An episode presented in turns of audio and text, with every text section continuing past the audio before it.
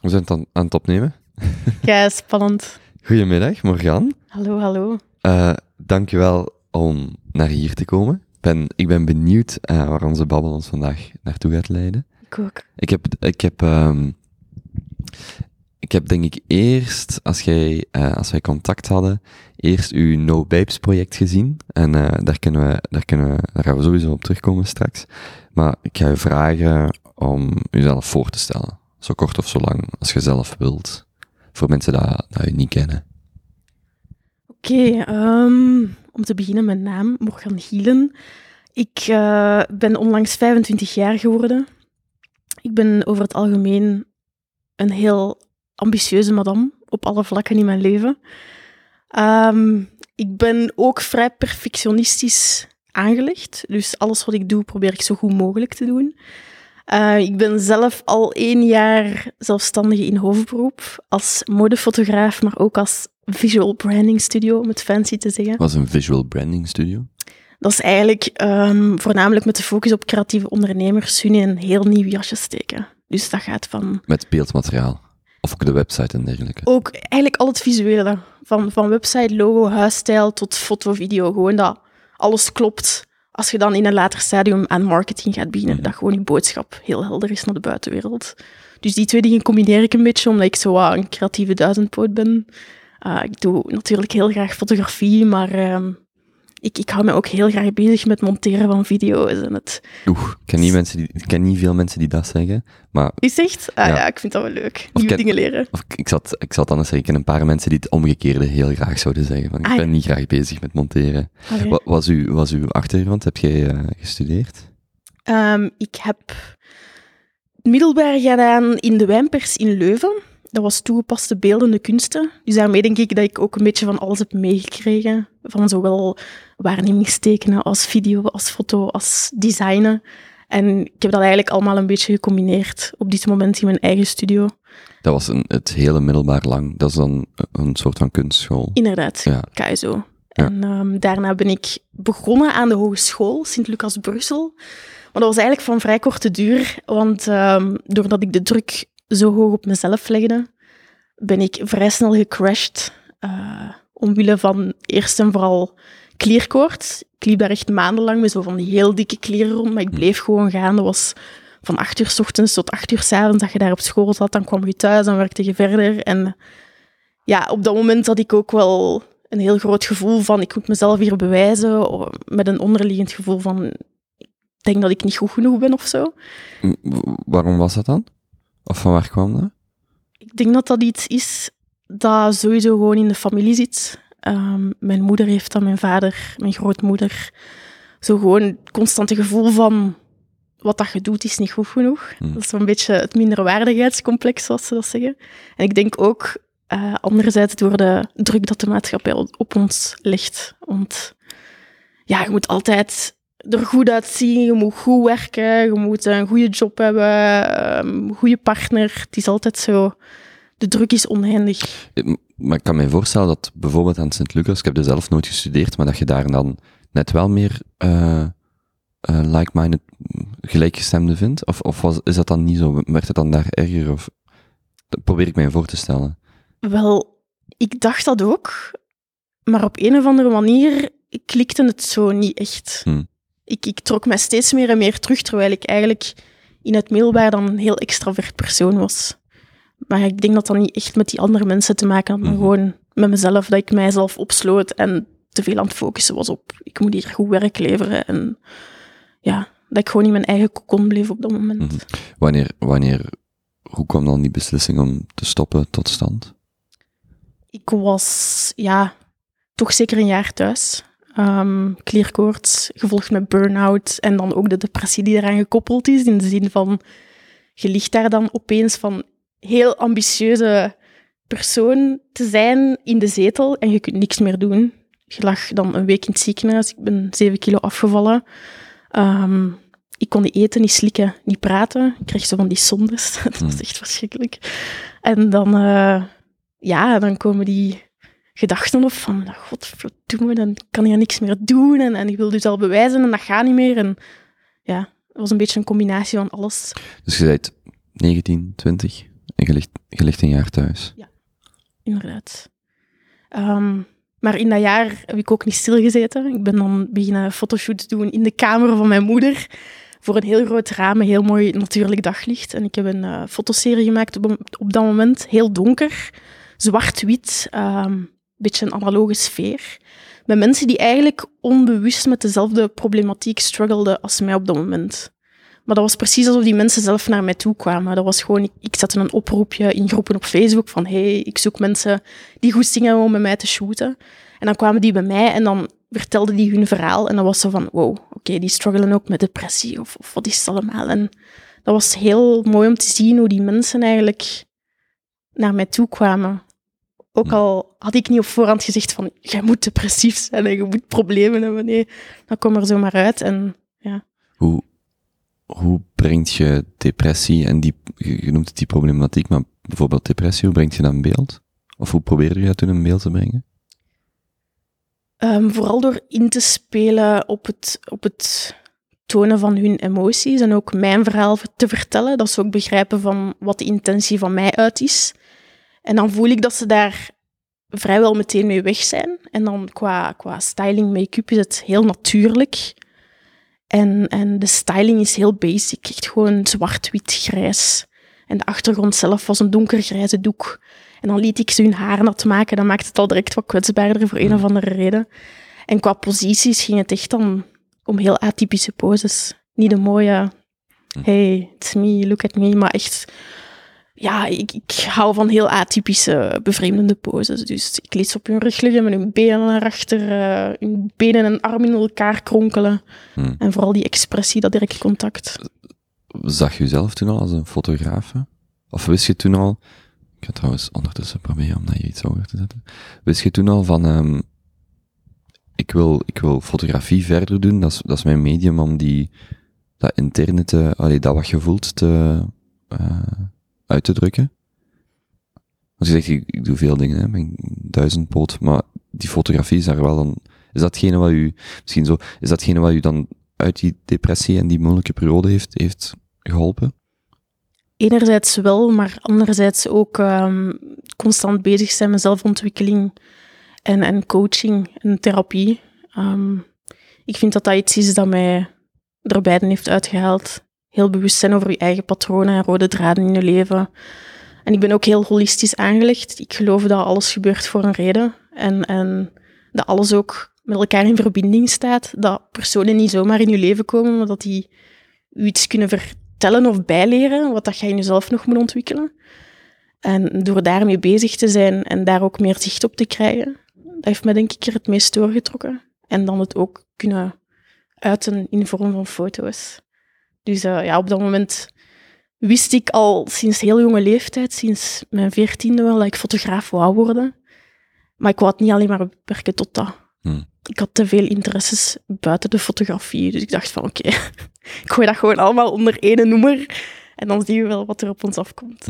En is er dan, is er dan, ik heb nooit in die mate met, met depressie of nooit als, als, hoe zeg je dat dan, als, als clean als iets wat vastgesteld wordt meegeworsteld. Is dat dan, op een dag weet je dat je erdoor bent, of heb je dan een, een periode achter de rug dat je zegt, ah, ik, ik denk dat het, ik denk dat het achter de, de rug ligt, want je, als je bijvoorbeeld zegt, hè, het is en therapie, eh, en, en zelfreflectie en die zoektocht naar jezelf, wanneer, wanneer zit je dan klaar voor die volgende stap? Of, of wanneer voelt je dan dat je, dat je beter bent? Ik denk dat dat ook gewoon iets eigen is aan artistieke persoonlijkheden in het algemeen. Dat die wel ergens altijd een, een lichte en een donkere kant hebben. En, en dat uit die donkere kant meestal de mooiste creaties komen. Dus ik kan nooit zeggen dat ik daar helemaal uit ben. Dat is gewoon een deel van mij en ik pak dat mee. En, en ik probeer dat zo goed mogelijk te benuttigen. Tegenover misschien vijf jaar geleden zou dat mij tegengehouden hebben. Nu probeer ik dat gewoon te gebruiken en te uiten op het moment dat het er is. Um, en, en om te zeggen genezen, fysiek gezien dan, klierkoorts kan heel lang in je lijf zitten. En ik heb pas sinds een jaar of twee het gevoel van, oké, okay, ik ben hier door aan het komen. Mm -hmm. Ooit uh, het idee dan gehad om terug te gaan naar Sint-Lucas? Ik ben na dat jaar thuis ongeveer proberen terug halftijds te beginnen.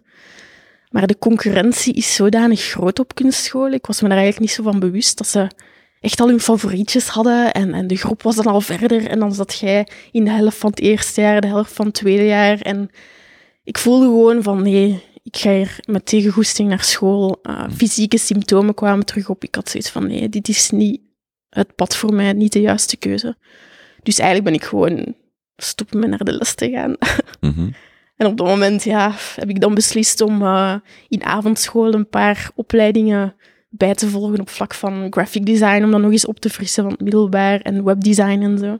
En gewoon altijd blijven shooten, blijven werken aan mijn Facebook, Instagram, consequent posten. En uiteindelijk komen er wel mensen naar u toe dan ook. Ja, want ik vroeg het u, ik vroeg het u, vroegde, ik vroeg het u voordat wij begonnen op te nemen. Um, uh, uw, volgers bijvoorbeeld op Instagram, Facebook zit ik niet, dus ik heb daar niet, ik heb daar niet gecheckt. Maar van waar kennen mensen u, van waar volgen mensen u als, uh, als ze u vandaag tegenkomen, of die die u vandaag al volgen? Ik ben al sinds mijn 16, denk ik, bezig met het opbouwen van mijn Facebook bedrijfspagina, zoals ze dat dan noemen. Dus een, een platform waar ik eigenlijk al mijn foto's op post. En hetzelfde met Instagram dan een paar jaar later. En um, op dat moment deed ik heel veel portfoliowerk, dus gewoon uit eigen goesting van, ah, ik wil in die sfeer werken op die locatie. En dan zijn er zo van die groepen op Facebook waar je een oproepje in kunt plaatsen. En ik denk dat op die manier wel veel mensen mijn naam begonnen herkennen. Um, en steeds meer mensen kwamen dan naar mij toe van, ja, ik ben model, wilt je met mij werken, dit of dat. Um, als ook in het begin heb ik gewoon naar modellenbureaus zelf gestuurd van, hey, ik besta, wilt je dat ik je modellen test? En anderzijds denk ik ook via publicaties in uh, internationale magazines en zo.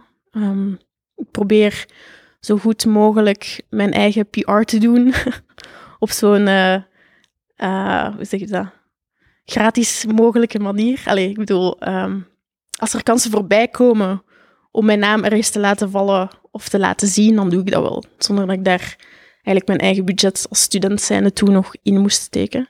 Dus van die magazines, dat helpt er wel bij. Klopt. Wat voor magazine? Had je dan al... Is uw, uw, uw stijl of uw doelgroep altijd heel duidelijk geweest? Of was het toen gewoon whatever work? Allee, wat, wat, wie mij neemt, zo zal het zijn. Op dat moment wist ik wel van, ja, portret is sowieso mijn ding. En fashion mode ook, omdat ik heel graag een verhaal creëer met make-up en styling. Terwijl ik eigenlijk van mezelf wel een verjaarde tomboy ben. Dus het is niet dat Was een tomboy? Um, ja, niet zo'n girly girl. Mm. Ik doe al sinds heel jonge leeftijd gewichtsport. Ik had altijd veel meer mannelijke vrienden dan vrouwelijke vrienden. Het was niet dat ik make-up droeg of zo. Dat is pas later um, op de proppen gekomen. Um, dus ja, toch in de fashion gerold. En inderdaad, altijd als ik een shoot had, had ik zoiets van, kijk, ik ga het gewoon rondsturen naar enkele grote magazines. Hebben ze interesse om te publiceren, des te beter. Is dat zo dat je als fotograaf uh, daaraan moet werken? Je, je hebt bijvoorbeeld geshoot een model en dan bezorg je die foto's aan magazines of, of aan bedrijven of modellenbureau. Eender wie, wie u zou kunnen gebruiken als fotograaf. Is dat, is dat wat veel, is dat hoeveel jonge fotografen, fotografen beginnen? Ik denk dat je in een verzadigde markt als vandaag inderdaad wel al je opties in het begin moet openhouden. Heel veel mensen zeggen van ja, je moet direct je niche gaan bepalen, maar ik denk dat je eerst van alles moet uitproberen en dan moet zien wat dat je het beste ligt of zo. Dus ik heb dat ook gewoon gedaan. En dan ben ik steeds meer naar een, hoe dat ze het meestal zelf beschrijven, een bevreemdende, atypische high fashion stijl gegaan. En, en daar beginnen mensen me nu ook voor te boeken en te herkennen. En dat is fijn, dat ik gewoon... Mm -hmm. kun, kun je er iets meer over vertellen? Wel, in, in de modefotografie heb je commerciële fotografie. Dat is wat je in de boekjes ziet, zoals goed gevoel, de flair, de, de mooie lachende babes. En ik ben dan meer van de high fashion. High fashion is eigenlijk heel artistiek werk. Daar mogen eigenlijk helemaal los in gaan. Qua verhaal, qua styling, qua make-up, alles erop en eraan. En dat mag zo raar zijn, maar als je zelf wilt, dat is eigenlijk gewoon een, een kunstwerk, die een foto. Dat is niet meer om iets te verkopen, maar gewoon om een verhaal te vertellen. Die foto staat dan niet in dienst van een merk of een product, gelijk bij de Goed Gevoel of een Flair. Er staat een foto in dienst van het verhaal dat ze willen vertellen. Ja. Maar bij die high fashion staat het, of is dan het idee dat het op zichzelf staat, min of meer? Meestal wel. Mhm.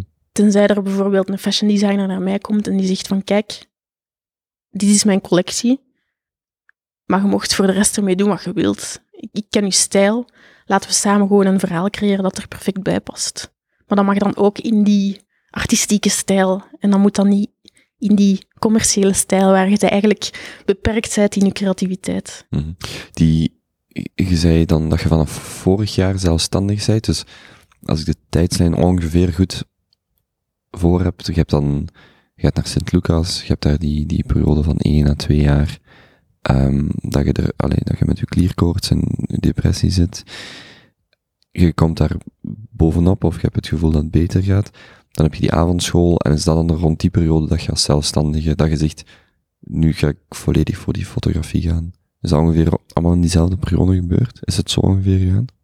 Wel, tussen Sint-Lucas en die opleidingen, daarna heb je nog een, een fase die ik geskipt heb, waar ik heb starterslabo gedaan. Dat is een traject van anderhalf jaar ongeveer, waarbij ze u echt eh, opleiden om, om als zelfstandige uit te stromen. Dus ze leren u daar alles van boekhouding, marketing, tot uw eigen stijl vinden, uzelf branden. En dan, wanneer je een gevoel hebt van, ik heb hier al klanten, ik kan hier al goed factureren, dan kun je gewoon verder uitstromen. Wanneer, wanneer heb je dat, of waar heb je dat gedaan, wil ik vragen?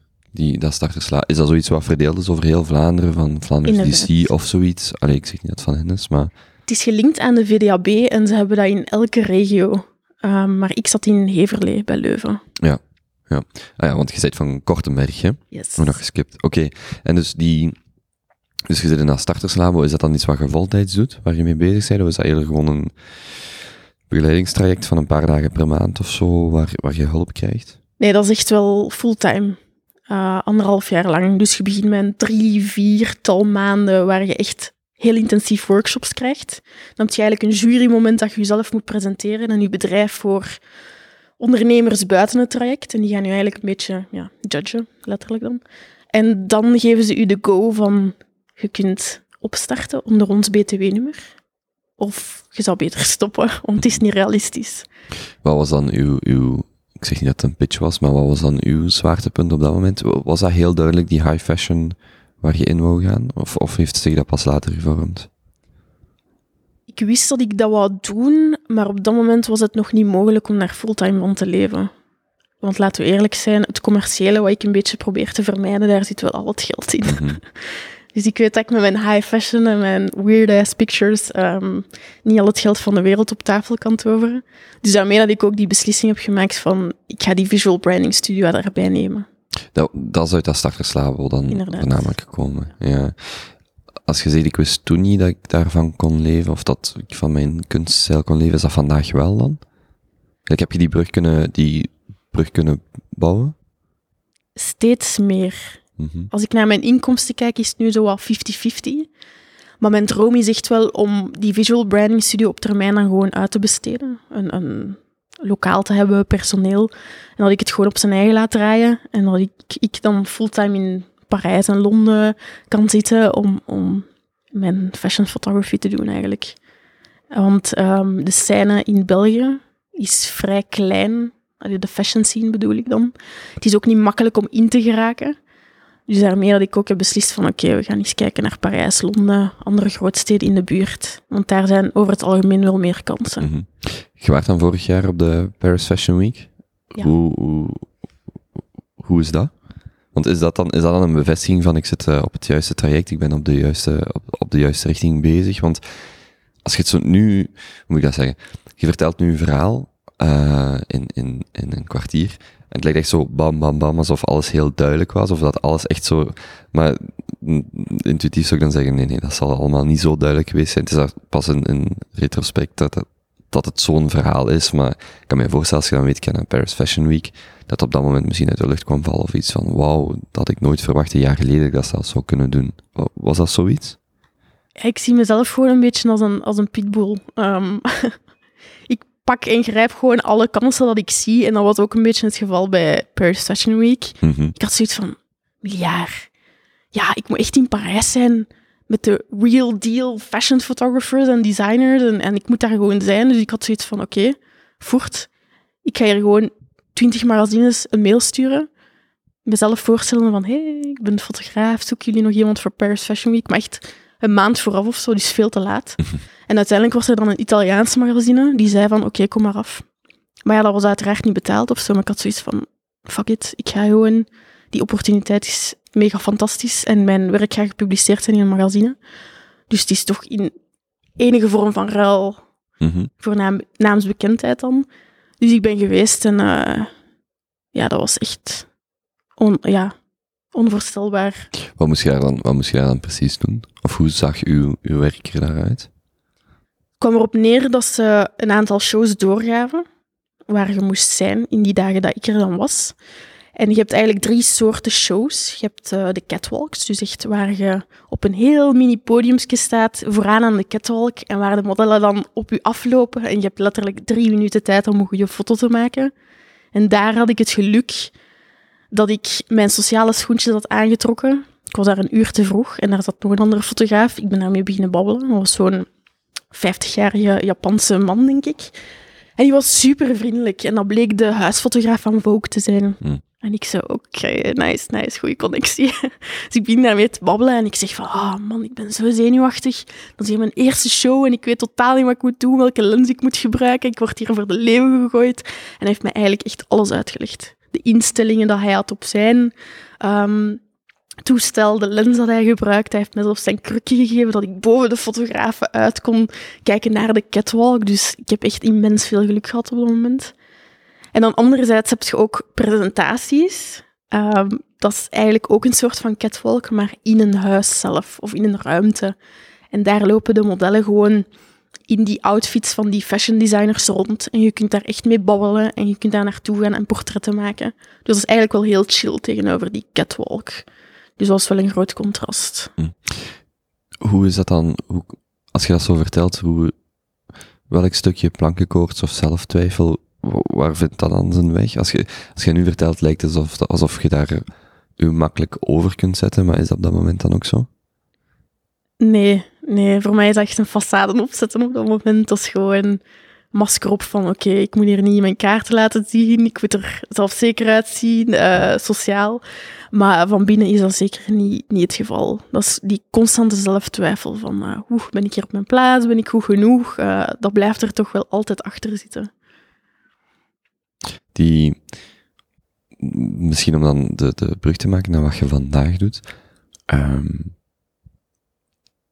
misschien zo beginnen, zijn er, zijn er mensen, fotografen of anderen waar je zelf enorm naar opkijkt? Zeker en vast. Ehm, ik heb onder andere al mogen assisteren voor Ronald Stoops. Die is zelf van het Antwerpse, van Antwerp Six. Ehm, en dat is de vaste fotograaf van Walter van Beirendonk bijvoorbeeld. En dat was heel impressionant voor hem te mogen assisteren, omdat hij ook een heel eh, bevreemdende en heel eigen stijl heeft. Dus dat was heel fijn. Ehm, en een andere Belgische fotograaf, een duo eigenlijk, Lalo plus Eva noemen ze. Zij hebben dan ook een heel atypische stijl. En ik vind het leuk om ook te horen hoe zij hun eigen weg he- hebben gevormd. Want het is, het is niet evident als je niet dat commerciële doet om, om echt aan de bak te geraken. Dus ehm, ja, en, en in het buitenland heb ik ook natuurlijk fotografen. Hart en Leshkina en Synchro Dogs, maar dat zijn allemaal namen dat je waarschijnlijk niet, niet direct kent. Wat, wat hebben al die mensen gemeenschappelijk? dat die allemaal een heel eigenaardige stijl hebben. Zo heel bevreemdend dat je twee keer langer naar de foto moet kijken om te begrijpen wat er eigenlijk aan de hand is. En, en ze durven ook ehm, op een of andere manier de schoonheidsidealen ook wel in twijfel te trekken. Door met heel curvy mensen samen te werken of mensen met aandoeningen, een beetje zoals ik met No Babes doe. Dus dat vind ik altijd heel boeiend om te zien hoe ze op hun eigen manier de lijntjes wil durven eh, bewandelen, Hm. de grenzen. Als je dan bij hen bent of je assisteert hen, kan ik mij voorstellen, het gaat dan niet louter om technisch een betere fotograaf te worden. Het gaat eerder om je, je weg te vinden. Ik bedoel, dat hoort er ook bij. Maar het gaat eerder om je weg te vinden binnen wie zijn zij en hoe zijn zij gekomen tot waar ze vandaag zijn. En wie ben ik en hoe kan ik daar iets van opsteken. Ja, inderdaad. Het is niet de bedoeling om hun te kopiëren of te zeggen van ik ga je, je, je job afpakken. Het is meer een beetje in de trend van kijk, eh, sowieso eerst netwerk uitbreiden, elkaar leren kennen. zien op welke manier we elkaar misschien kunnen helpen. Ik ben heel hard fan van elkaar optrekken in plaats van naar beneden halen. Op alle vlakken. Ehm, met mijn collega's in de fotografie, als ook in branding studios. Ik werk met heel veel andere freelancers samen. Ik denk gewoon dat je samen veel sterker kunt zijn dan alleen, sowieso. Brengt ons eh, bij, bij No Babes. Het is al een paar keer gevallen. Kunt je het, eh, kunt je, weet je nog waar het idee tot stand is gekomen? De haat-liefde relatie met de modefotografie, om eerlijk te zijn. Want zoals ik daar straks al zei, ik ben niet echt het, het chichi-madammeke die altijd met mode is bezig geweest. Helemaal niet zelfs. Ik ken nog veel te weinig fashion designers naar mijn eigen goesting en te weinig modelzieners. Ehm ja, ehm No Babes is eigenlijk een beetje het in twijfel trekken van schoonheidsidealen en taboes die leven in onze huidige maatschappij. Het vertrok uit de modewereld, maar het is uitgegroeid tot de volledige maatschappij eigenlijk. En, en dat is ook de naam van mijn eerste fotoboek, die binnen exact één jaar gaat uitkomen, in januari 2021. Waarom die datum? Omdat mijn intentie was om gelijktijdig met de Miss België verkiezingen het boek uit te brengen. Mm. Om een beetje, ja, ergens een, een kleine steek te geven van, kijk mensen, het kan ook anders. Mm. Want het eerste thema van mijn high fashion editorial shoot voor mijn No Babes boek was dan Miss Curvy Belgium. Dus ik heb eigenlijk een, een vrij bekend eh, plus-size model, Romy Schlimbach, die onlangs bij Gert Late was, gevraagd. En we hebben eigenlijk onze zogezegde eigen Miss Curvy Belgium shoot op poten gezet. Omdat dat eigenlijk heel onbestaand is. Ik vind dat schandalig trouwens. Omdat een hele groep mensen wordt uitgesloten en, en je kunt alleen maar jezelf tonen als je maatje 36 bent en, en een mooi popje bij wijze van spreken. En dat zijn dan thema's ja, die ik graag naar voren breng. Is zij dat van, ehm, ik geloof dat, ik ga zijn naam vergeten, Atari is zijn achternaam denk ik. Ik denk Yassine Atari, die voor VRT die labels Ja. reeks maakt. Ja, heeft ook eentje gemaakt rond body positivity. Ik weet niet of dat de titel was, maar is, zou kunnen dat zijn, hè, want ik herinner mij, daar, ik herinner mij die, die, die reeks ook. labels, Ja. reeks. Ja, het was labels, ik denk aflevering 3, maar ik ben niet zeker. Die, ehm, dus je hebt, je hebt, je zegt dat idee komt eigenlijk uit die, die haat-liefde relatie met eh, de, de, de modefotografie. Had je dan al mensen in gedachten die wou fotograferen? Hoe, hoe is dat idee dan ontwikkeld tot wat het vandaag is? Ehm, vaak door met modellen in conversatie te gaan op shoots en dan te horen hoe die lijden aan anorexia of bulimie om te voldoen aan de standaarden die leven binnen ja, de, de modellenwereld. Of al die mensen die dan voor de reeks, toen ik klierkoorts had, bij mij kwamen en vertelden over hun depressie of, of hun thuistoestand. En ik had zoiets van, ah, dat is toch niet toevallig dat al die mensen bij mij terechtkomen en, en bij mij zo, zoveel ja, informatie willen delen. En ze, ze zeggen mij ook vaak van, het helpt mij dat jij mij fotografeert. Het helpt mij om mijn verhaal te vertellen. En uiteindelijk is, pas vijf, zes jaar later mijn, mijn frang gevallen van, oké, ik kan hier echt wel iets mee doen. En dat is iets dat super dicht bij mijn hart ligt. Hoe, hoe probeert je body positivity te brengen? Of is dat, dat is niet, ik gebruik nu die term, maar dat is niet het enige, denk ik, wat jij met No probeert te doen. Nee, het is, het is eigenlijk veel breder als ja, ik zou kunnen zeggen van het draait alleen om dat en dat. Maar zo ben ik zelf ook gewoon. Ik heb te veel interessepunten. Ik heb zoiets van, ik ga gewoon een heel jaar lang shooten en dan zie ik hoe ik het in een boek giet. Dus op dit moment werk ik in tweeluik. Dan heb je die portretten dat ik in studio maak, met echte mensen, met echte verhalen. Dat gaat van bijvoorbeeld David Delespes, dat is een eh, Paralympische atleet die zijn benen heeft verloren bij een treinongeluk. Ehm, tot mensen met vitiligo, bijvoorbeeld van die huidvlekken. Of tot mensen die zeggen van ja, ik heb vorige maand proberen mijn eigen leven af te pakken. Ja, zo van die dingen. En gewoon het pure, het rauwe, het onbewerkte, wat voor mij als modefotograaf ook niet makkelijk is, omdat je zo gewoon bent om toch altijd die juist in de pukkel nog weg te werken of juist nog een filterken op te zetten.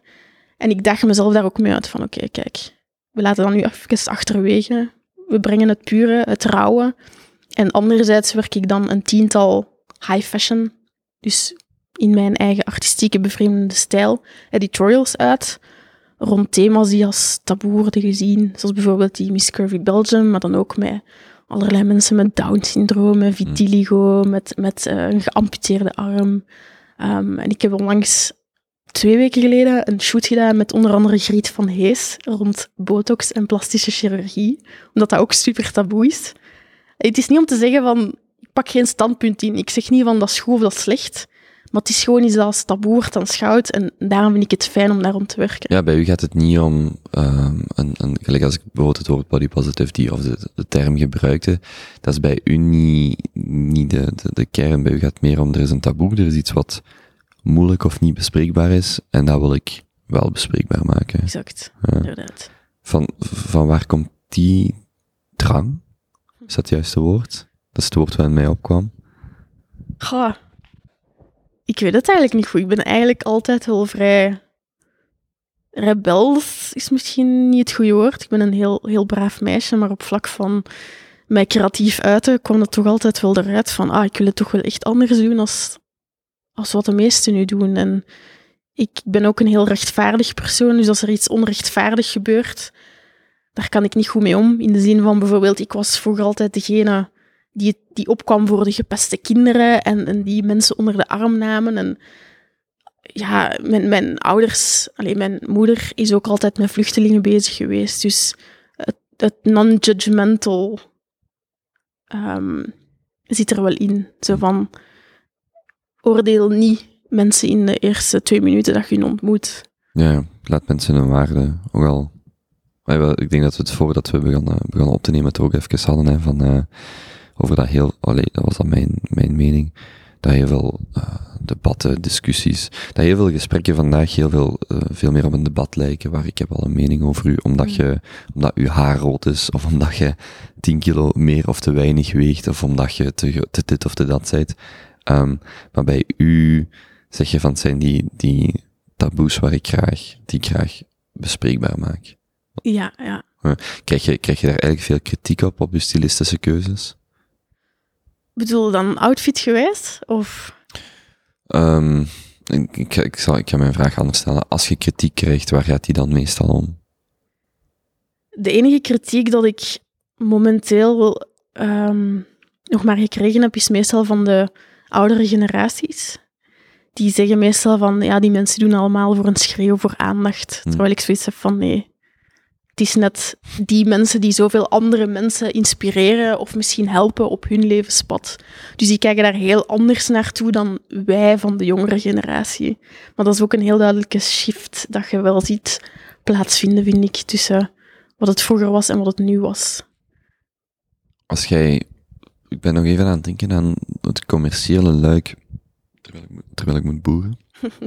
het commerciële luik van, uh, van high fashion doet je dan, dan denk ik zo typisch aan de, aan de, de campagnes van een CNA, of het maakt niet uit van eender welke uh, modeketen of een label zelfs, die um, bijvoorbeeld uh, plus-size modellen gaan, gaan die kleren maken voor plus-size modellen. Is dan zoiets waar jij, waarvan je zegt, daar vind ik mijn dingen, want dat is al iets meer, dat is al iets, iets meer weg van de traditionele modefotografie, maar dat is nog steeds een bepaald hokje, daar, doorbreken nog steeds geen taboes of zo? Is dat iets waar je... Hmm. Ik, probeer, ik probeer een zicht te krijgen op, op wat voor u interessant is om rond te werken en wat minder interessant is. Ik weet niet of, of mijn vraag duidelijk is in die richting om zo... Ik vrees dat ik een label op u probeer te plakken. Maar, als, ik er, als ik er iets langer over nadenk. Maar probeer echt zo na te denken, zo, wat, wat zijn de dingen waarvan je zegt, daar wil ik nu eens intuïtief meer rond werken. Want je zegt, uh, die, die, die studio die je hebt, die wilt je op, termijn uitbesteden. Het gaat echt om uw werk als fotograaf. Maar gaat het dan eerder om, ik ben uh, Morgan de fotograaf die voor bepaalde merken bepaalde uh, fotografie, fotograaf, fotografieopdrachten doet? Of gaat het u veel meer om dat conceptuele van ik wil bepaalde thema's bespreekbaar maken? En of dat nu fotografie is of, of via andere kanalen. Begrijp je ongeveer wat ik, wat ik ongeveer, want ik weet zelf niet of ik het heel duidelijk maak. Ik probeer zo te, ontdekken van wat is de richting, wat zijn uw interesses, wat is de, de richting dat je graag wilt uitgaan daarmee? Ja, dat is een heel goede vraag. Um, om eerlijk te zijn ben ik zelf nog heel zoekende en ik kijk gewoon naar de opportuniteiten die ook op mij afkomen. Maar bijvoorbeeld, Ik heb uh, vrijdag geshoot met Decathlon. Die hebben mij gecontacteerd via NoBabes, waar ik al van verschoten was van Hmm. oeh, zo'n grote speler die mij contacteert. En ze zeiden tegen mij van kijk, wij hebben al een shoot gedaan rond body positivity, in de zin van we hebben al mensen met een maatje meer gefotografeerd. Ik was al zo van oké, dat is al positief dat zo'n grote speler besluit om die plus size erbij te halen. En dan heb ik ook vaak zoiets van ja, maar waar zijn dan al die mensen die daartussen vallen? Zo van, het is ofwel plus size, ofwel moet je super mager zijn. Dus waar zijn al die mensen dat daartussen vallen? Dus ik ben bij hun op meeting geweest en ik heb gezegd van, kijk, we kunnen gewoon iets super rauw en imperfect brengen. Dus we hebben eigenlijk besloten om allerlei verschillende soorten mensen uh, model te laten staan. Onder andere terug Romy met haar plus size maatje, maar ook mensen die um, 30 kilo afgevallen zijn en die met huidoverschot zitten. Of um, een MMA-vechtster dat ik ken, Joanna Rak, die um, niet het standaard maatje heeft om zogezegd goed te kunnen vechten. Dus we hebben eigenlijk al die mensen samengehaald en, en ze hebben mij eigenlijk carte blanche gegeven. In die crossfitzaal zeiden van, doe maar gewoon je ding. En ik zei zo van, oké, okay, mag het een beetje awkward, een beetje bevreemdend zijn? Niet zo dat typische lachende, mooie, maar... Dus wel binnen de context van Decathlon en de producten dat zij aanbieden, maar had wel carte blanche als in, of carte blanche als in, dit zijn de producten, dit is ons merk natuurlijk, maar doe maar, ja. wij vertrouwen nu met, met wat je wilt brengen. Ja, een beetje met het concept mocht ik bepalen, het licht mocht ik bepalen, de positie van de modellen. Nu is natuurlijk nog afwachten van um, welke beelden gaan ze eruit pikken. Hmm. Daar heb ik natuurlijk niet zoveel controle over. Maar uh, dat ondersteun ik super hard, die diversiteit binnen die grote spelers en, en het ook wel inderdaad conceptueel kunnen brengen. Ik denk dat de boodschap heel belangrijk is. Heb je bij die bij grote bedrijven dan niet het gevoel dat dat eerder zo'n een checklistje, een checksje zou ze willen afvinken van ja, we hebben ook die doelgroep of we hebben ook daaraan gedacht? Of is dat echt, of voelt je dat dat oprechter wordt met verloop van tijd? Enerzijds heb ik wel het gevoel van dat ze zoiets hebben van ah, het is een, uh, een rijdende trein waar we op moeten springen. Hmm. Diversiteit is uh, het nieuwe ideaalbeeld en, en dat voelt je ergens wel. Maar ik denk dat er ook wel veel mensen die in het bedrijf zelf werken voor dezelfde waarden en normen staan als ik. Dus het is, het is altijd moeilijk om te bepalen, is dit nu oprecht of niet? Maar ik sta wel achter de boodschap van, kijk, we moeten hier heel veel meer mensen gaan aanspreken en dat ideaalbeeld van Kate Moss in de jaren 90 is, is super achterhaald. Dus ik ben wel blij en ik wil daar wel aan meewerken als het meer mensen kan helpen op hun pad naar zelfacceptatie. Mm -hmm. Het blijft wel bij fotografie. Gelijk als ze u vragen, zouden vragen om video te doen, is dat iets waar je dan, waar je dan net zei, met andere mensen samenwerkt? Of is dat dan wel iets, is dit waarvan je zegt, nee, doe ik volledig niet? Of waar je wel conceptueel over mee nadenkt? Meestal werk ik dan met de klant inderdaad het concept mee uit en huur ik daar een videograaf voor in als het om grotere producties zelf gaat. Mhm. Gaat het om iets kleinere producties, dan neem ik het wel op mezelf. Maar het, het niveau van mijn videografie is niet gelijk aan mijn fotografie. Dus op een bepaald moment moet je ook wel kunnen zeggen van kijk, ik ga dit nu geven aan iemand die dat gewoon fulltime en supergoed doet. En dat ik mij behoud tot mijn expertises. Mm -hmm. Was een, een, een shoot die u, die u, als ik u ernaar vraag, die u is enorm is bijgebleven? Um, goh. In de vorm van no-waves dan, of gewoon in het algemeen? Mag, maar mag ook in het algemeen. Iets waarvan je zegt, dat vond ik nu echt. En, en opnieuw, ik ben nog steeds op zoek naar, wat is hetgene waarvan, waar, wat u echt inspireert, zo de, de kern van, van wat je probeert te maken.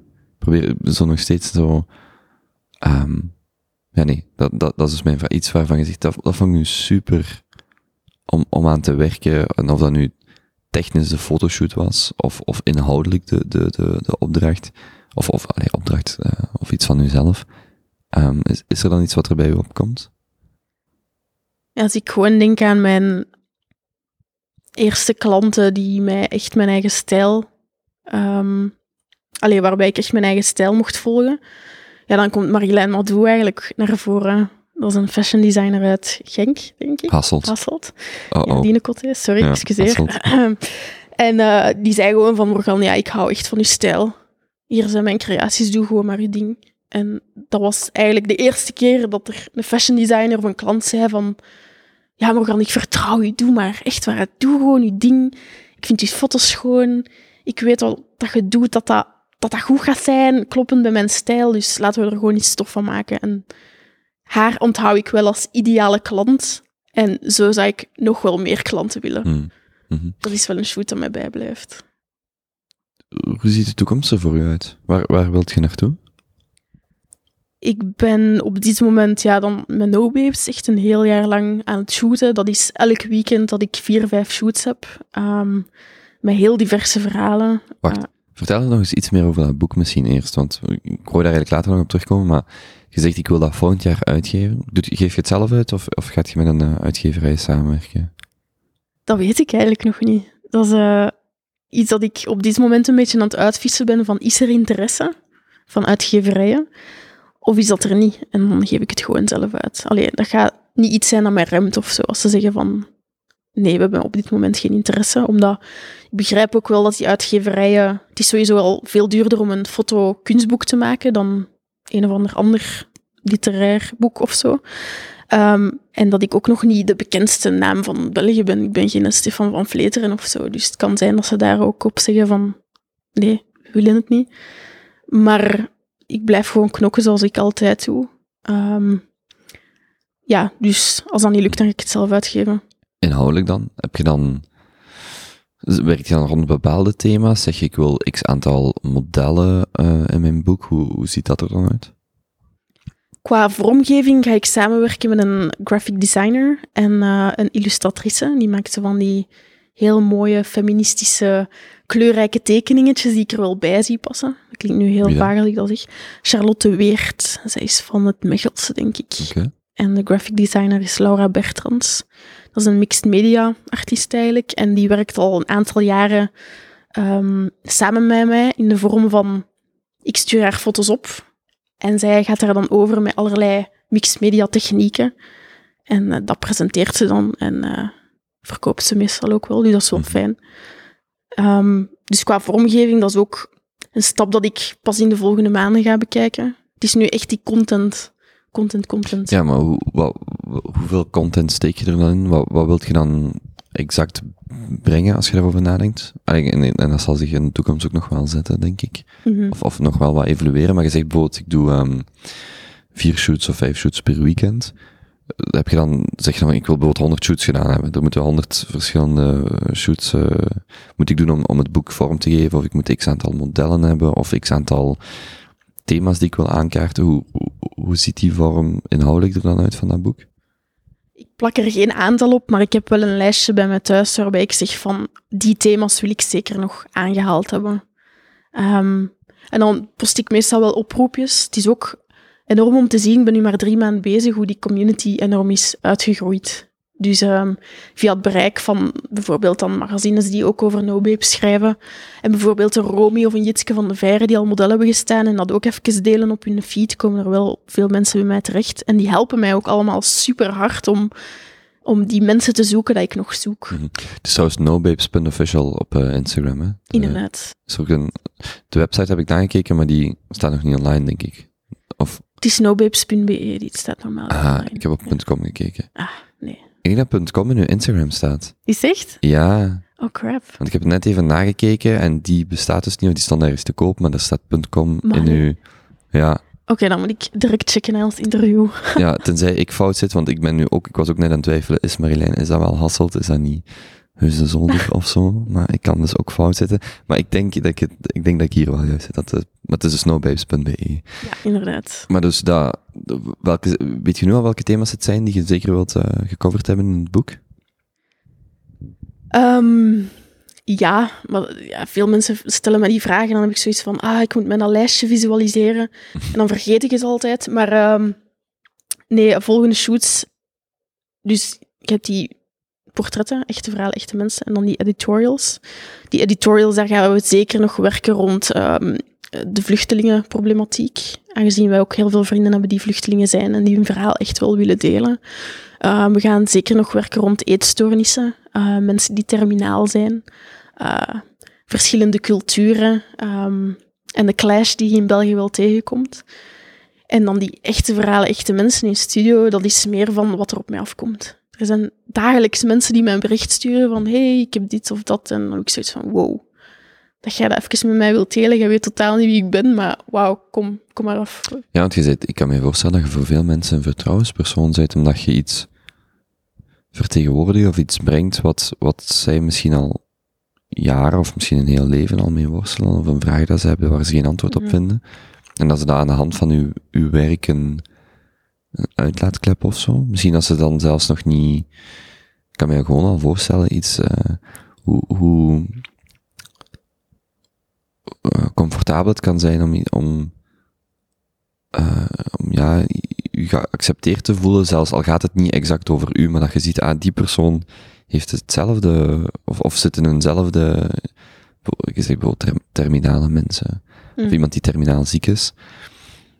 Ja, gewoon al het verhaal kunnen horen van iemand kan, kan enorm, eh, kan u helpen om, om zelf niet aan uw verhaal te hoeven doen, maar kan u wel helpen om, om die emoties misschien een plaats te geven, of dat verhaal een plaats te geven. Ja, inderdaad. Velen zeggen gewoon ook dat het deugd doet om misschien andere mensen daarmee te raken of te kunnen helpen door hun verhaal te delen.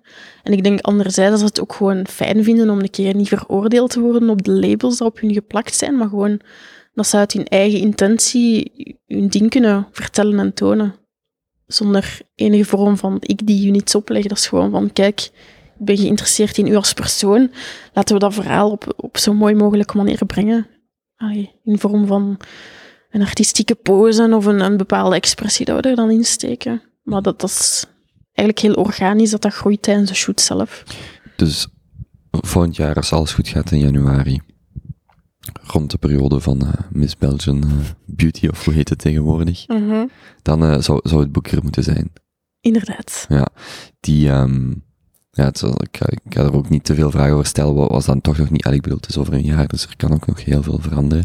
Wat ik misschien wel nog wil weten is, ehm niet zozeer wie het gaat kopen, want dat vind ik altijd een, ik vind dat een dwaze vraag als mensen vragen, wie moet daar naar luisteren of wie moet het lezen, maar zo, wat, wat wilt je dat, ehm dat iemand voelt, of wat wilt je dat het teweeg brengt bij een lezer? Als het al iets hoeft teweeg te brengen. Ik zeg niet dat dat, dat, dat per se de, dat, ik kan me perfect voorstellen dat je zegt, ik wil gewoon dat boek maken, punt. En, en ik, ik denk allemaal niet te veel na over wie gaat dat lezen en hoe gaat dat eruit zien. Ik wil dat gewoon maken. Maar ik, ik vraag me af wat, wat voor u dan de, wat je zou willen dat een, dat een lezer of iemand die het misschien cadeau krijgt of zo, eh, er, er, eruit haalt.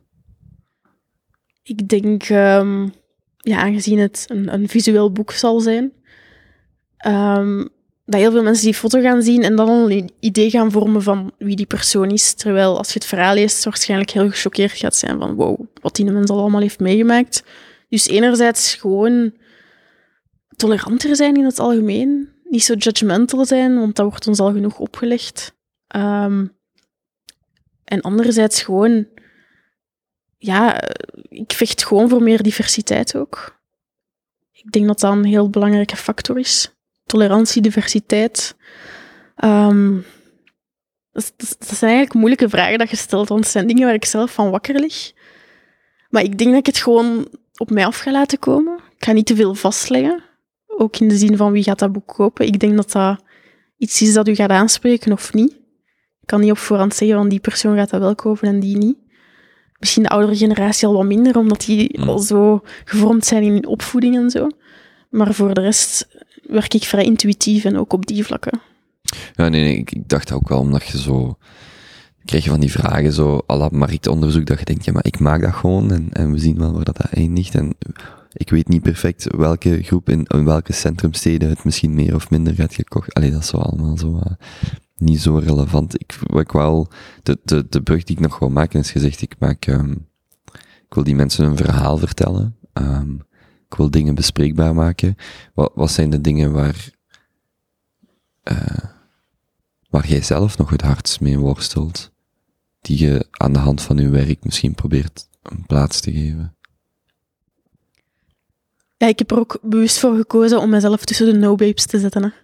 Want ehm no-babes is eigenlijk ontstaan naar mijn eigen zoektocht naar zelfacceptatie en, en die moeilijke periodes die ik dan heb meegemaakt.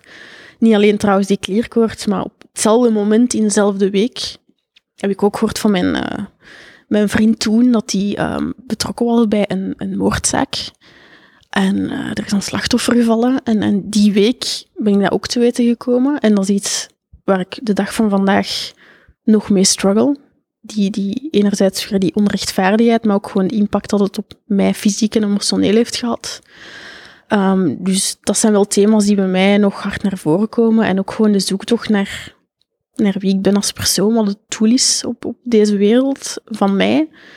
Um, ik geloof dat iedereen een meerwaarde brengt en, en een bepaald talent heeft. Um, maar ik zie daar heel veel mensen in geremd zijn. En ik ga dan misschien helemaal naar de andere kant toe. Ik wil, ja, ik wil dan extra goed zijn en ik wil dat dan wel allemaal tonen. Maar dan loop ik soms vast van, ja, wat, ben ik nu eigenlijk aan het doen? Um, en in mijn hoofd is het vaak ook nog zo heel vaag van, ja, wat is het nu en, en wat doe ik nu en wat is mijn doel? Zo, die, die moeilijke levensvragen.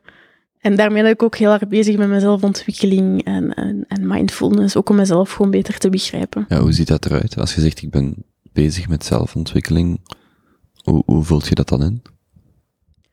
Ja, ik volg um, bijvoorbeeld cursussen bij een zekere Bert Kools uit het Leuvense. En die, die babbelt over evolutie, psychologie en de kwantumfysica en het ontstaan van, van de planeet en de dieren en de mens en gewoon het hele traject en wat ons doel hier op aarde is of zo. Dat is, dat is heel holistisch en sommige mensen gaan mij als gek verklaren. Maar dat helpt mij wel in, in het begrijpen van oké, we zijn hier wel met een bepaalde reden. En, en ik ga hier ook gewoon blijven rondlopen zodat ik mijn doel heb gevonden. Um, en anderzijds mindfulness oefeningen, in de zin van dichter bij jezelf komen. Want ik had heel lang het gevoel, ook door die depressie, dat ik op automatische piloot liep. Ik wist niet echt waarmee ik bezig was. Ik was niet alert in het luisteren naar andere mensen. En ik denk dat mijn shoots daar ook wel mee geholpen hebben om mij even uit mezelf, uit mijn eigen kokon te trekken en mij te richten op, op andere mensen en ook te begrijpen van, wow, oké, ik help hun misschien, maar zij helpen mij ook. Want doordat zij hun struggles delen, heb ik zoiets van, ik kan mijn eigen shit dan ook relativeren. En die hebben mij ook enorm geholpen op mijn eigen zoektocht naar onder andere zelfacceptatie. Als je zegt dat je bijvoorbeeld op automatische piloot uh, liep, had dat met antidepressiva dan ook te maken? Ik heb dat inderdaad een jaar genomen, maar uh, dat is een effect die ook gewoon van mezelf uitkwam of zo. Dat was ook nadien, dat was voordien, dat was gewoon willen afsluiten van van alle prikkels, als, als hoogsensitief persoon ook. En, en gewoon zo teleurgesteld zijn in, in de dingen dat er gebeurd zijn. Dat je zoiets van, ik moet het allemaal niet meer hebben. En dat je gewoon echt je volledig afsluit en daarin blijft. Ik denk dat ik daar heel lang last heb van gehad. En nu nog altijd tegen vecht. Maar ik probeer nu echt um, door ook die mindfulness bewust in het moment te zijn. En niet in mijn eigen hoofd te blijven zitten. Is het, um, dan geen. Het is een zegen dat je vandaag social media hebt, omdat je heel snel heel veel mensen kunt bereiken of vindt. Mhm. Is dat ook niet een groot, grote valkuil voor u? Dat je steeds die, die connectie met echte mensen moet proberen te behouden? En natuurlijk, je ziet elke dag, neem ik aan, ook echte mensen, maar is dat, is dat voor u een, een iets waar je mee worstelt? Dat stukje de vertaling van wat je doet naar, naar, een, ja, naar, een, naar een scherm waar je naar kijkt, naar een Instagram profiel, is dat, is dat iets waar je mee worstelt, waar veel mensen het moeilijk mee hebben, zo heel dat, het, het om kunnen gaan met social media, wat daarbij komt kijken?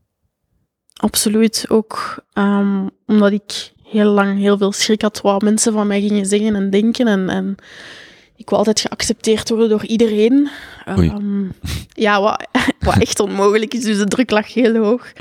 Um, maar ik denk dat ik ook daarom nu meer naar dat rauwe en imperfecte toe werk. Omdat ik zoiets heb van... ik heb zo genoeg van al die fakeheid online. En, en ik wil gewoon meebouwen aan, aan meer de echte mensen te tonen en niet die, die maskers op te zetten. En ik vind het fijn dat ik ook steeds meer bekende influencers en BV's kan bereiken die diezelfde boodschap naar buiten willen brengen.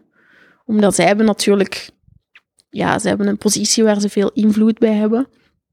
En als ik dat dan samen met hun kan vertellen, vind ik dat dan nog veel sterker of zo.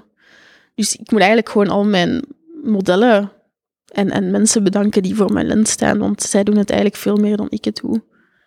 Wat maakt u als, als fotograaf voor hen aangenaam om mee te werken? Ik hoor, Of aangenaam om rond te zijn?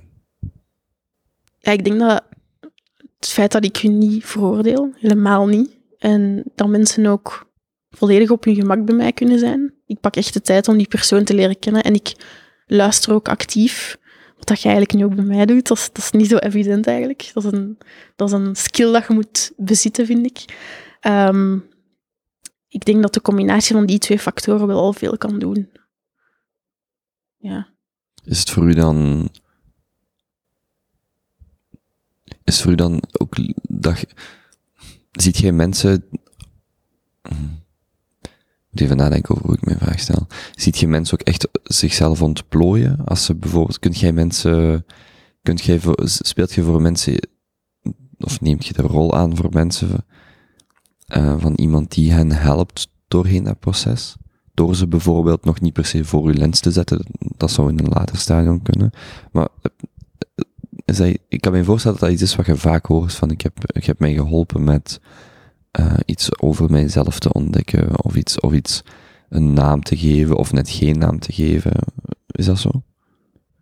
het is wel een feit dat ehm, ik vaak de neiging heb om mensen verder te begeleiden, om hun mee te helpen op hun pad. En soms ga ik daar ook te ver in. Dat ik zeg van, oké, nu moet ik echt jullie, ding laten doen en, en ik ben niet de juiste persoon op dat vlak, op dat vlak om je verder te helpen. Maar eh, ik ben wel iemand die van nature heel graag mensen helpt om vooruit te duwen. Gewoon het beste uit zichzelf te halen. En dat hoor ik ook wel vaker van modellen of klanten.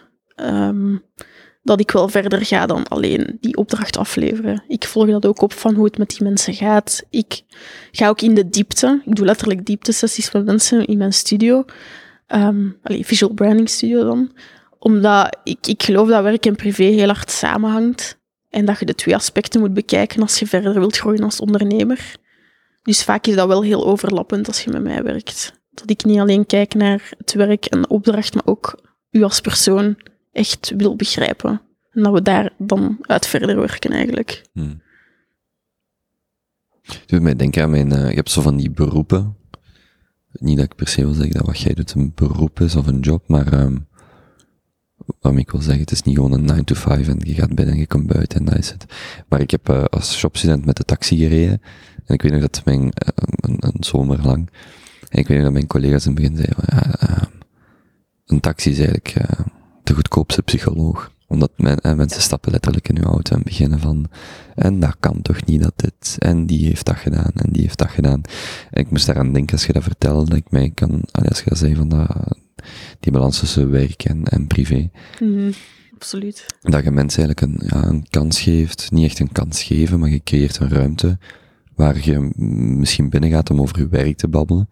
Maar die mensen die bij je binnenkomen, die hun werk is een reflectie van, van wie dat zij zijn.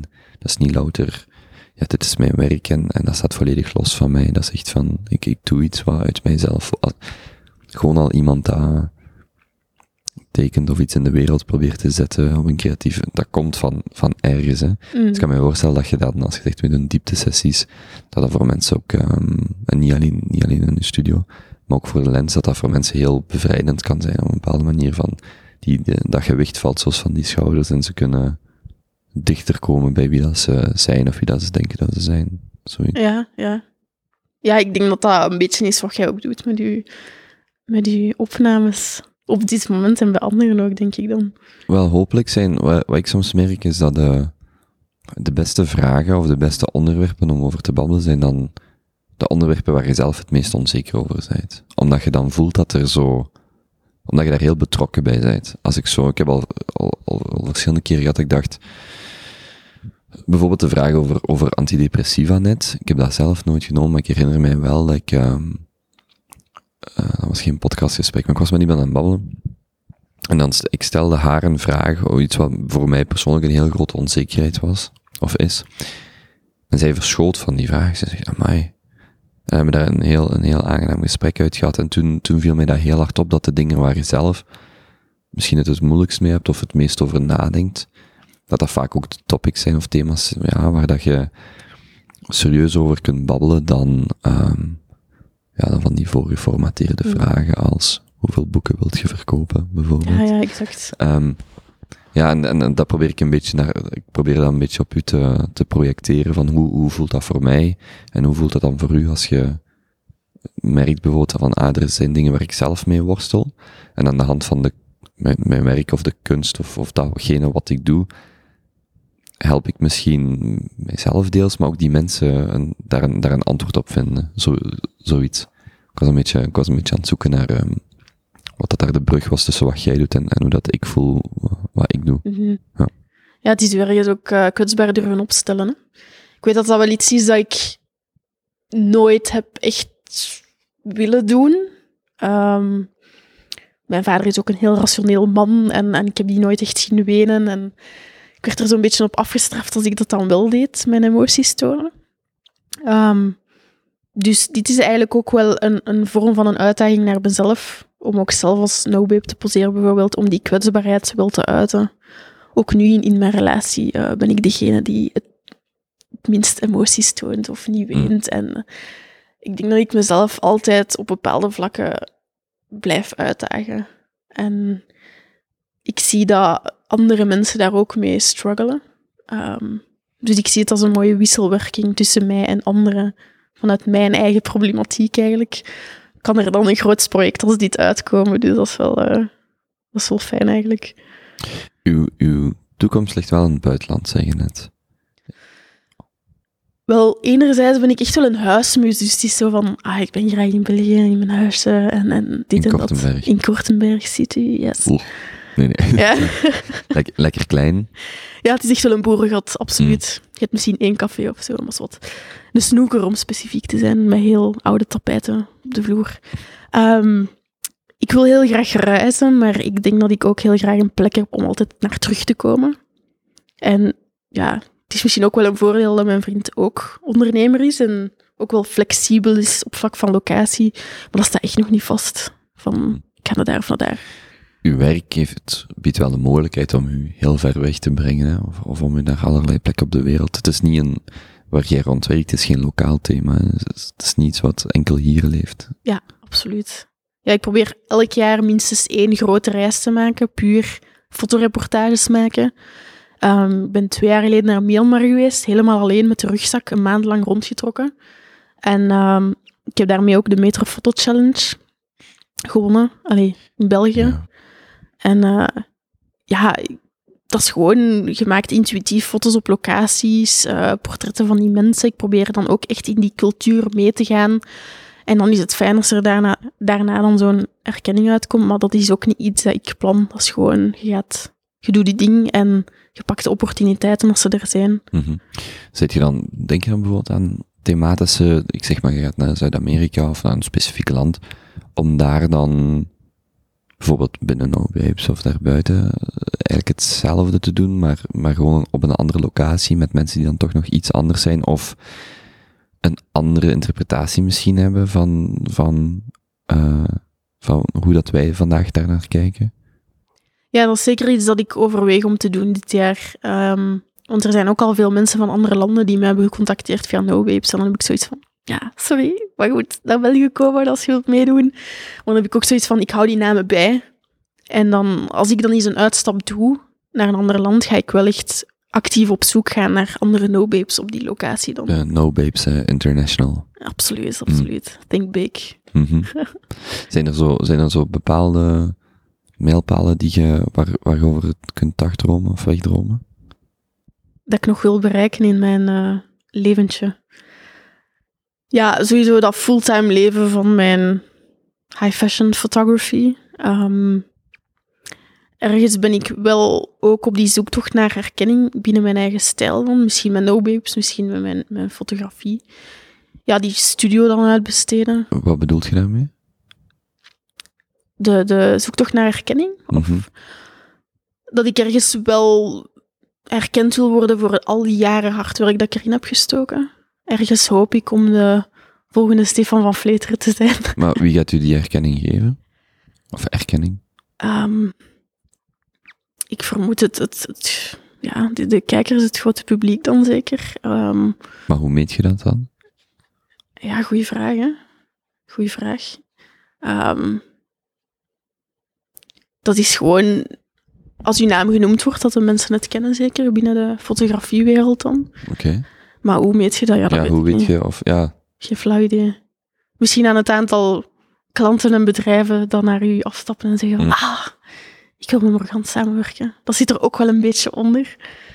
Ehm, maar ja, dat is mijn workaholic kant. het, ehm, het moment waarop uw, ja, wat was daar de juiste uitdrukking voor? Ehm, er, er was een interview met, ik geloof met Jamie Foxx. Ik denk op de Graham Norton Show, of het was een podcast, ik weet het niet meer. En in ieder geval, Jamie Foxx was aan het vertellen van, ja, vroeger gaf ik feestjes, hè, en, en kleine feestjes, en dan kwam daar zo die mensen, Kanye West, en eh, die waren toen nog niet bekend. En ik was ook gewoon Jamie Foxx, zo, zo zegt hij dan. Ik kan hem niet nadoen, maar zo, ik was toen Jamie Foxx. en dat was lang voordat ik Jamie Foxx was. En, Ah, ja, en hij, ja, ja. hij riep dan zo zijn eigen naam. En ik vond dat altijd heel leuk om over na te denken, zo, het moment waarop je Morgan Gielen bent, en dan het moment waarop je Morgan Gielen bent, zo, dat, Mhm. zo, je kunt dat niet echt benoemen, maar dat je weet van, gelijk, je, je noemt ze net zelf, en ik vergeet natuurlijk uh, het naam van de, van de modellen die je vandaag hebt aangehaald, maar die zijn, dat zijn, die staan ergens voor, en als je die, die naam ziet voorbij komen, weet je, oké, okay, dat is die persoon, die heeft een bepaalde stijl, die staat ergens voor, en dat is ook nog misschien die, die evolutie die jij dan, als je zegt, dat is een mijlpaal, die je nog wilt doormaken, dat is, het is niet gewoon, we gaan een fotograaf boeken die affiniteit heeft met de diversiteit die wij willen portretteren, maar we gaan Morgan boeken, want dat is ja, het ja. referentiepunt, of een van, de, een van de referentiepunten. Dat ik inderdaad één herkenbare niche heb, dat ik voor die standpunten sta en dat ze daar, daar, daarvoor dan ook naar mij komen. Mhm. Maar opnieuw, het gaat meer om het conceptuele dan louter de fotografiestijl. Want van veel fotografen, bevriende fotografen, de, kunst bijvoorbeeld dat hier hangt, dat zijn dan geen fotografen, maar kunstenaars, die gaan voor een duidelijke stijl. Daar ziet je in de foto's of in, in de kunst dat ze maken of in de video. Dan ziet je die een stijl en die stijlelementen terugkomen. Maar bij u gaat het, heb ik het gevoel dat het veel meer gaat om dat deeltje misschien dat maatschappelijk debat, deeltje dat taboe, deeltje dat ja, een, een, een, een verhaal wat je probeert te tellen, Mhm. vertellen. Nog veel, ik bedoel, iedereen die naar uw No Babes uh, Instagram pagina gaat en ook uw, uw eigen Instagram pagina, je ziet dat daar natuurlijk een, een stijl in zit en dat je je eigen stijl wel hebt. Maar het gaat bij u nog veel meer, heb ik de indruk, over, je wilt een, ja, je wilt een, iets bespreekbaar maken wat groter is dan uzelf. Zo, Inderdaad. zoiets. Ja, ik denk dat ik nog naar die overlapping zoek tussen no-babes en mijn high fashion photography. Want op dit moment werk ik voor klanten in de high fashion, maar zit die, zitten die normen en waarden daar niet per se nog altijd in die Mhm. ik bij no-babes wel heb. En ik dat is eerder die trein die, allee, misschien maak ik het dan wat te, te plat, maar ik heb het, ik kan mij voorstellen dat de, de, de beweegredenen waarom jij iets doet, versus dan de klanten die je hebt, dat daar wel nog wat, nog een kloof tussen zit die, Mhm. die moet gedicht worden, of die kan gedicht worden, of die met de tijd misschien kan veranderen. Ik weet niet wat daar de juiste, juiste invalshoek is, maar het is, is het ongeveer wat je, wat je bedoelt dan? Ja, inderdaad. ehm, dat meer bedrijven ervoor openstaan om ook echt een verhaal te vertellen. Dat het niet alleen om het mooie plaatje gaat, maar dat ik inderdaad die overlapping kan maken tussen het conceptuele, het, het taboe doorbreken, zoals we het nu even benoemen, Mhm. en, en dan toch zo eh, een mooi beeld creëren. Ik denk dat dat wel een, een punt is waar ik naartoe wil. Ja, super. Ik vind wel, ehm gelijk, je hebt die, je hebt die foto op No Babes, want ik deed daar net nog eens open, van ehm man met eh, de geamputeerd, wel geamputeerd, met, die zijn beide onderbenen verloren heeft. Ja. En een soldaat, als ik het, eh, Inderdaad. als ik het mij goed herinner. En ook daar, je ziet een foto en je denkt direct, oh, dat is een confronterende Allee, dat is wat er bij mij, een confronterend, maar dan lees je dat verhaal en denk je, ah, maar dat is een, allee, confronterend als in, je wilt dat misschien intuïtief denken, oh nee, nee, dat is, dat is niet wat ik gewend ben van, van een, een, eh, een, een, bepaald beeld van fotografie. Mhm. Maar dan lees je dat verhaal en dat is gewoon een super, eh niet herkenbaar, maar dat is gewoon een, een zeer menselijk verhaal. Mhm, En, absoluut. en ik vond dat wel mooi dat je daar erin slaagt om, die foto's die zijn op een bepaalde manier voor mij toch provocatief, maar je leest dan het verhaal en ja, ik, heb, ik had dan wel het gevoel van, ik ben blij dat ik en de foto gezien heb en het verhaal gelezen heb en dat ik Mhm. iets over die persoon weet wat ik anders, ja, waarschijnlijk gewoon vaak onbewust ook, of gewoon ergens had gecategoriseerd van, aha, ja, ja, dat is zoiets, ik Mhm. ken naar het volgende. Zo, dat vond ik wel, ja, een compliment naar u toe, naar hoe, hoe je dat, hoe, ja, hoe je dat brengt eigenlijk. Ja. Dat is, dat is leuk om te horen. Had hij inderdaad wel de bedoeling om een beeld te, te maken waar je even bij stopt met scrollen. Allee, dat je die foto's ziet en even zegt van wow. En, en dat op zich is al een hele zoektocht van een uur in het studio van oké, welke pose gaan we aannemen, welke expressie, welk, welk deel van uw verhaal gaan we highlighten. Dat het inderdaad zo is van oké, je bent aan het scrollen en je stopt bij die foto. En bijvoorbeeld bij David, als die eh Paralympier, we zijn begonnen met kleren aan. En uiteindelijk zijn al die kleren gewoon uitgevlogen, omdat dat zoveel puurder en kwetsbaarder overkwam. En we zijn ook begonnen met stapbenen en, en zijn blades ehm, voor te sporten. En uiteindelijk zijn die ook uitgevlogen. En zo van, kijk, gewoon puur, jij, je verhaal. En ja, het is wel een beeld inderdaad waar mensen bij stoppen. Ik denk dat dat een van mijn meest eh gelikte gedeelde beelden zijn tot nu toe van No. Dus het is wel mooi om te zien dat dat wel impact heeft. Ik was er nog even over aan nadenken. Ja, het is, is een beeld waar je... Ik vind, ik vind, ehm, bij zo'n ding dat je erin slaagt om een, om in, om in een, een zee van, van vluchtigheid, dat je erin slaagt om, bijvoorbeeld op die Instagram feed, maar niet alleen daar, dat je erin slaagt om iets te creëren wat toch langer blijft plakken bij iemand. Mhm. Als ik daar straks door mijn Instagram ga, ik kan de, veel van de mooie foto's kan ik me niet herinneren. Alleen van de, wat wij als mooi beschrijven, de, de geairbrushde foto's of zo. Ehm, maar maar dat, dat die beelden van u wel, wel even ehm, blijven hangen. Ja.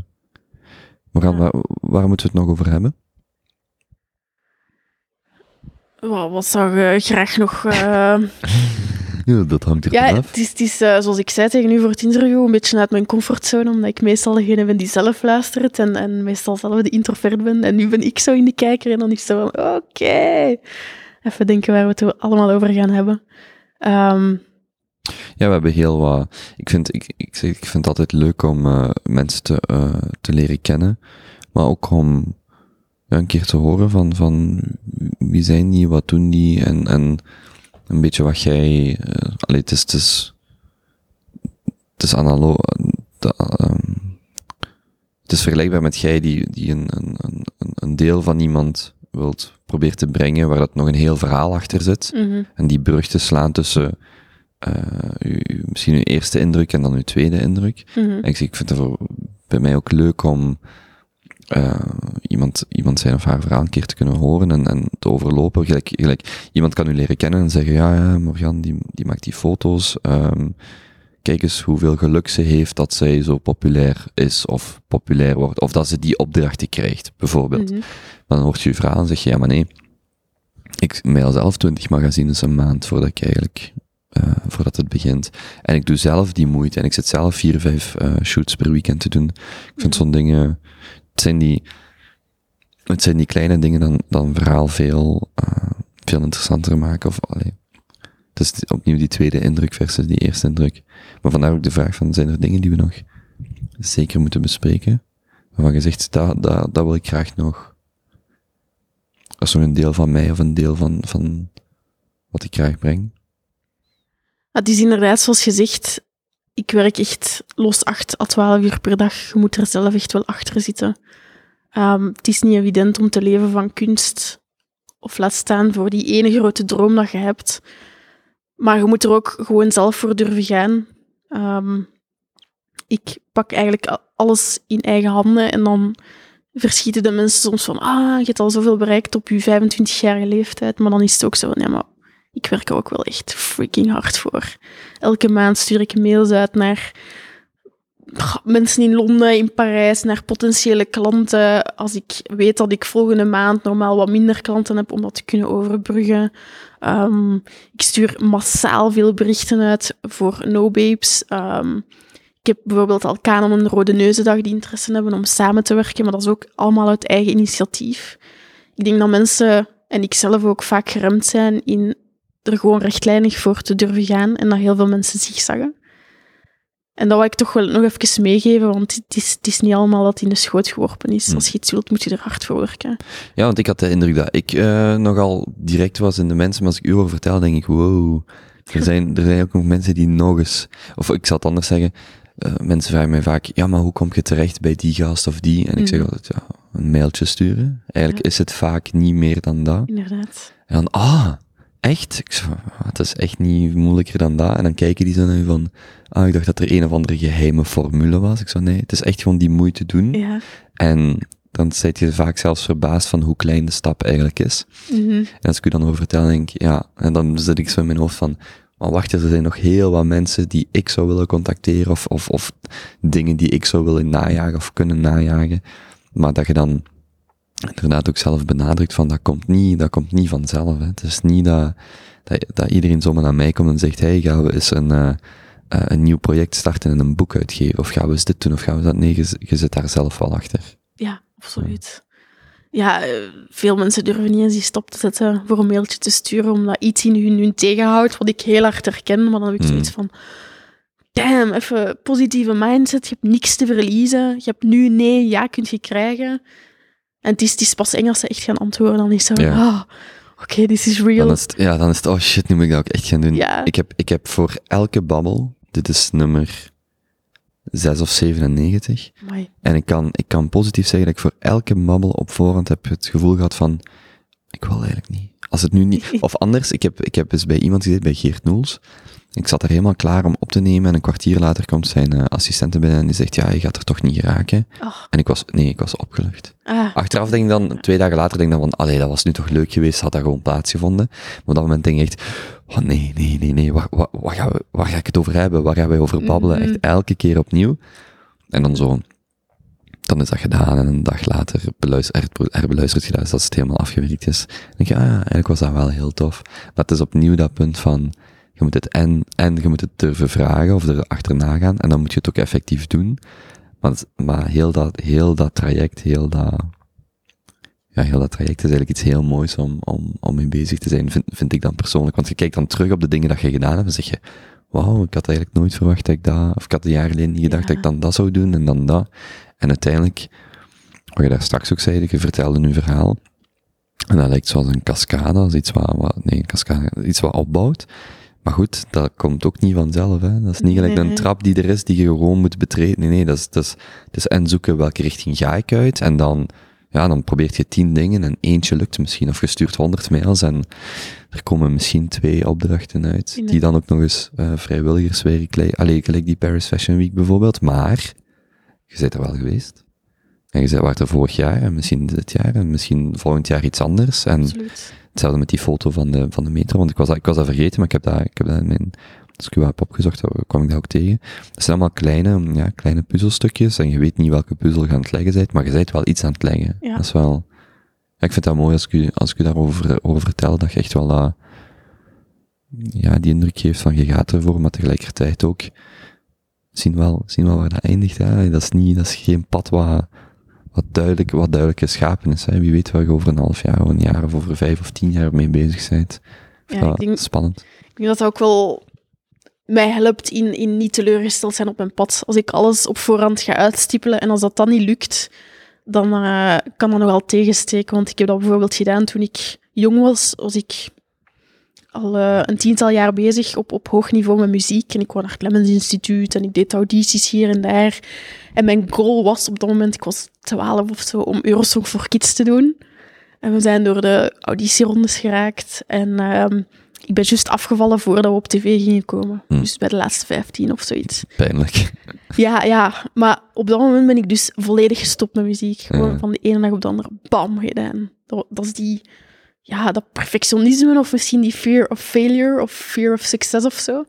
En ik probeer dat nu een beetje te vermijden door niet te hard op voorhand te zeggen van dit is waar ik wil geraken. Allee, het is belangrijk om doelen te hebben, maar niet zo alles vastleggen, want dan ga ik mezelf toch alleen maar teleurstellen. Ja, het probleem, en je geeft er eigenlijk het perfecte voorbeeld van. Het probleem van die, die dat vast plan te hebben, is dat dat bijna, in, mijn ervaring, bijna louter gebaseerd is op wat andere mensen denken, of wat jij denkt dat andere mensen hebben gedaan. En dan zeg je bijvoorbeeld, ah, ik ben met, muziek bezig, dus ik moet wel Eurosong for Kids doen. Mhm. Ik moet toch tenminste op tv raken, want dat is dan mijn, mijn, meet, mijn maatstaf. Ehm, of ik moet in, in dat Clemens, Clemens? Cle- Lemons. Lemons Instituut. Kijk, zo weinig ken ik daar al. Le- eh, ik moet op mijn achttiende toch op die bepaalde school, of ik zeg maar iets, of ik moet op mijn 25 toch in dat orkest. Ik zeg eh, maar. Maar dat zijn allemaal dingen die, die vooral van buitenaf komen. Hè. Dat, Ja, dat representeert niet waar jij zelf misschien mee bezig bent. Hè. Misschien schrijf je op je, schrijf je op je twintigste een beste novel, misschien op je 85ste. Mhm. Je weet dat niet, hè, maar van in je hoofd hebben, ik moet dat dan gedaan hebben, want die anderen hebben dat ook al gedaan op die leeftijd. Ja, dat is, dat is niet, dat is, dat is, je, je kunt daar geen, dat is heel, dat is gewoon een, een straatje zonder einde en ik denk dat je daar alleen maar ongelukkig van wordt. Of je zit dan gelijk wat jij zegt, je haalt iets niet en dan zet je het zo beu dat je het gewoon volledig laat voor wat het is. En dat is dan ook, ja, eigenlijk dikke allee, zonde, eh, Ja, op dat moment zeker. Hè? Zeker. Ja. Ja. dat is een beetje mijn innerlijke strijd ook, hè, van ehm, steeds meer proberen om die, die rust in mezelf te vinden, die acceptatie, zodat factoren van buitenaf me niet meer zo gaan bepalen.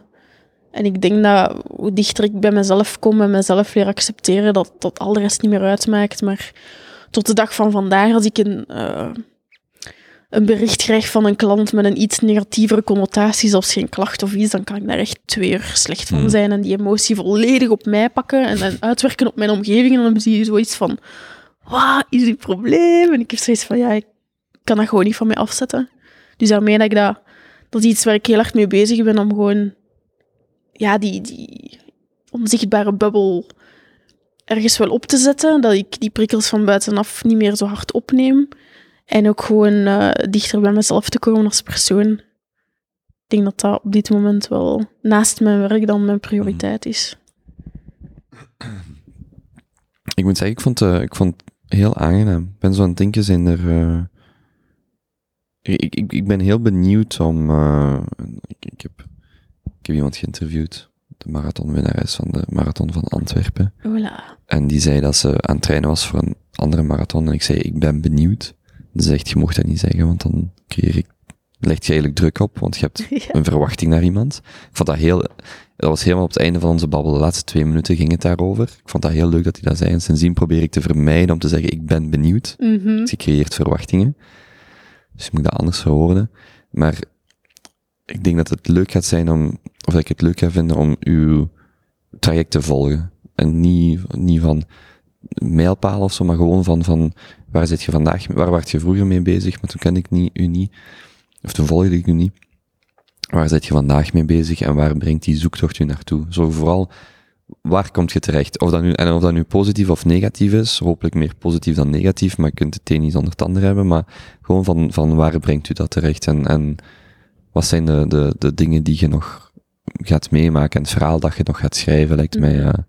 Ja, als ik u zo leer kennen, gelijk, gelijk vandaag, lijkt me dat heel eh, eh, interessant om, om, eh, ja, om, dat, om dat te volgen. Er zit zo'n brok energie, maar er zit nog, ja, zo die onzekerheid of dat ruw, of zo dat kantje van ik weet het nog niet helemaal, maar net Ja, dat is super spannend. Het zijn, het zijn, het zijn vaak die periodes waar je dan op terugkijkt en zegt van, allee, ik zal het anders zeggen, ik spreek niet uit ervaring, maar ik probeer heel veel te lezen. En dat is iets wat je constant terug hoort komen van, van de mensen die het dan gemaakt hebben, wat Ja. dat betekent, tussen aanhalingstekens. Die zeggen, ja, maar die, die periode dat we het nog allemaal niet wisten, toen Mhm. we Jamie Foxx waren, en niet Jamie Foxx, dat het dan een heel mooie periode is, omdat je net, net niet weet van, ja, waar, waar gaat dit naartoe, of waar Ja, gaat dit voilà. niet naartoe. Ik geniet wel van die zoektocht. Hm. Want je wilt ook niet dat het nu al gedaan is of dat je er nu al bent, want dan is er gewoon niks meer. Of wat het dan ook maar betekent om er te zijn. Maar het zoeken en het vechten voor vind ik wel een heel interessant traject. Ja, ik heb dat, ik heb dat gevoel ook, eh, als ik u, voor mij is dat zo een beetje zoeken van, ja, je maakt een podcast en je babbelt met mensen, ja, wat hè, was, was daar de, de dingen. Maar bij u heb ik echt het gevoel dat je zo, hebt een bepaalde, je hebt nog meer als veel andere mensen, zo heb ik het gevoel, een bepaalde missie, niet een missie, maar een, ja, iets, iets intrinsieks, een, iets intrinsieks wat naar buiten komt. En ik zei het daar straks al, ik probeer te benoemen wat het is. En ik, Mhm. ik, het is nog steeds moeilijk voor mij om er echt de vinger op, allee, maar ik heb het gevoel bij u van er zit iets en dat, en dat moet naar buiten komen en dat komt al aan de hand van verschillende dingen. En het is dat ook misschien wat ik net bedoel met, kijk, kijk uit naar hoe dat, dat- hoe dat datgene, wat het ook is, hoe, hoe dat dan naar buiten gaat komen. Zo, Ik zoiets. vraag het mij ook af. Ja, Er zit veel in, maar het is inderdaad een proces om het naar buiten te krijgen. En het is ook de vraag van, wat wil je naar buiten brengen? ja dat is ook geen proces wat, denk ik, op een bepaald moment waarvan je zegt, nu is het, nu is het naar buiten, nu is het afgerond. Ik denk dat dat ook waarschijnlijk iets is wat gewoon, wat ook weer gaat evolueren, wat, wat je, ja, wat je met de tijd, misschien iets wat je met de tijd op andere manieren gaat gaan kunnen uiten. En vandaag is dat waar je vandaag mee bezig bent. En Inderdaad. morgen is dat, is dat wat dan voor u relevant of belangrijk is. En eh, ja, dat vind ik dan wel zo cool om te volgen van, van waar brengt u dat? Ja, het, is, het is altijd leuk als ik naar ehm, in kunstgeschiedenis vroeger vakken op school kijk naar de schilders of de fotografen in hun levenspad en de verschillende werken of series dat ze hebben gemaakt, dan zie je ook wel echt van oké, dat was hun donkere periode, dat Mhm. was hun, daar kwamen ze er terug door en daar kregen ze kinderen en een familie en ze wisten het niet meer. En allee, ik zeg maar iets. hè. En ik zie dan nu ook wel bij mij zo van oké, 18, de reeks Courtois en Bisou, die donkere reeks bij mijn mama op haar kamer. En dan heb je zo ineens terug heel kleurrijk werk.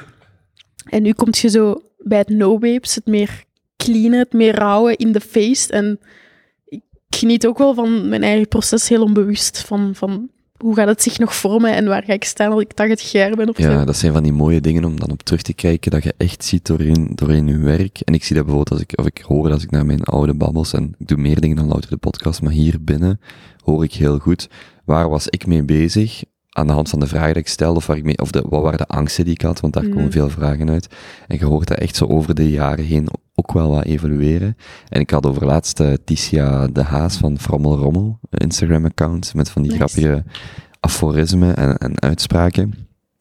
En ze was aan het vertellen over het boek dat zij dan heeft gepubliceerd met, eh, met haar frommels. En eh, ze zei, ja, op een bepaald moment zat ik bij de uitgever en we gingen door oude frommels en die zegt tegen mij, toen waart je wel heel boos op iemand, hè. Ja. Dat- en Ja, ze- voilà. exact dat, van, dat je aan de hand van je, van uw kunst eigenlijk, of van uw werk, ehm, ziet van, waar was ik toen mee bezig, wat was Mhm. toen belangrijk, wat was toen moeilijk, wat was toen gemakkelijk.